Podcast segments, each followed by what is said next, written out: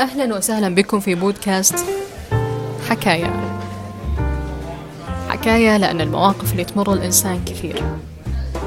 كثيرة لدرجة يقضي عمره كاملا في سردها. وينتهي عمره وهو لم يقل النصف منها. حكاية لأن حياتي وحياتك عبارة عن حكاية طويلة. حنا أبطالها.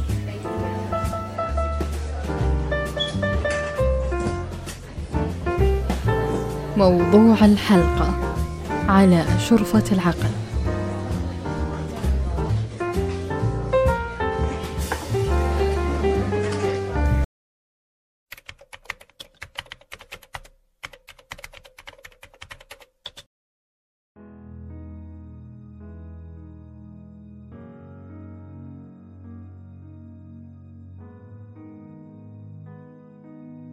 على شرفة العقل.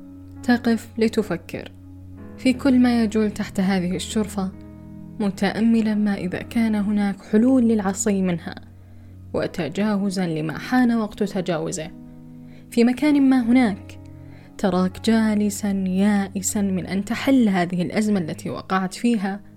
وهنا أيضا ترى نفسك متنازلة عن كل ما يحدث حولها وكأنها لا تراه أو كأنه لا يحدث أصلا.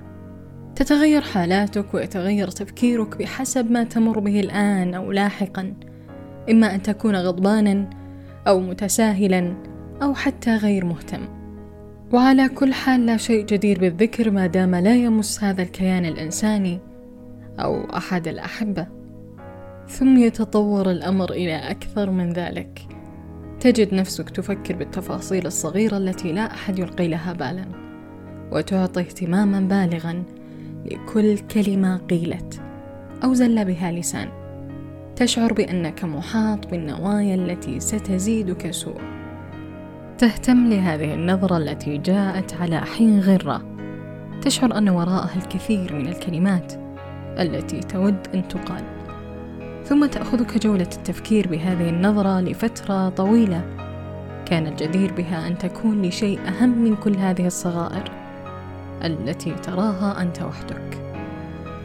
تأخذ من وقتك الكثير.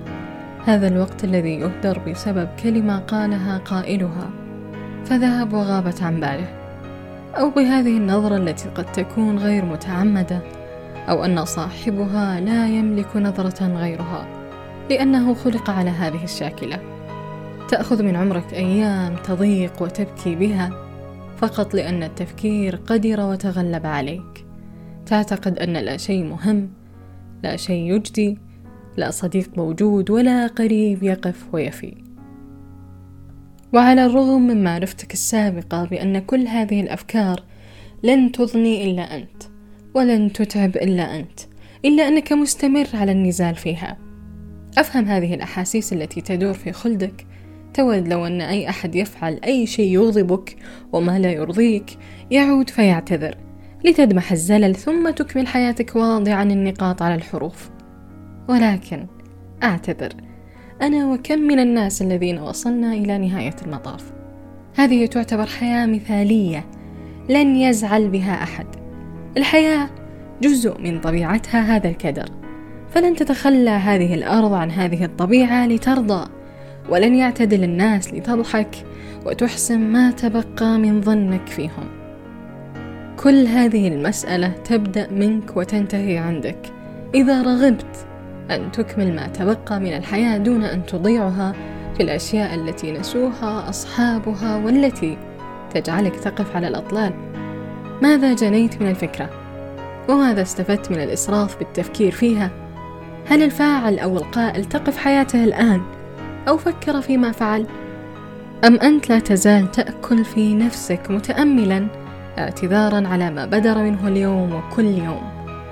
نحن لقلة من يفعل السيء والقول السيء ثم يعتذر لأنه أدرك مدى فداحة الخطأ.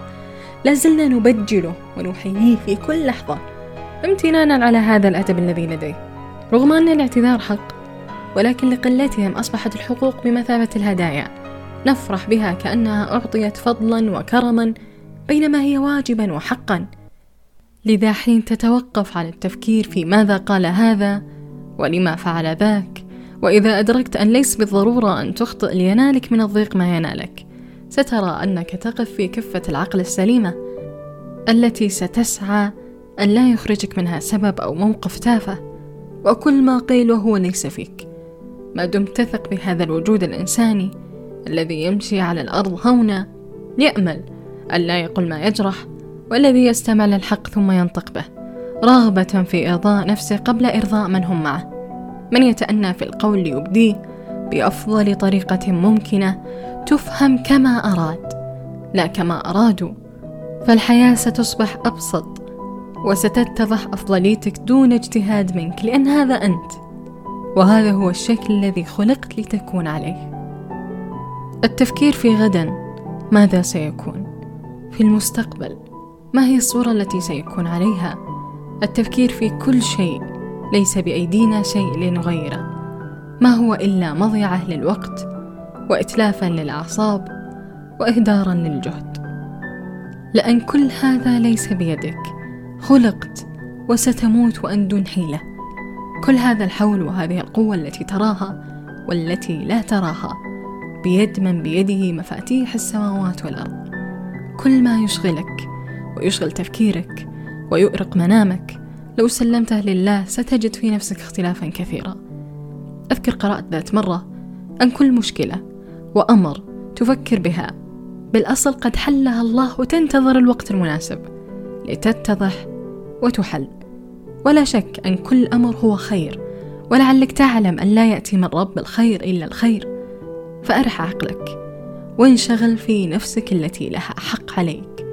واكتشف نفسك وتعرف عليها إن كنت تجهلها فإن عرفتها فلن تصدق فيها ولن يشكك فيها ظن لا تعرف مصدره وكلمة تجهل أسبابها وفعل لم تتوقعه.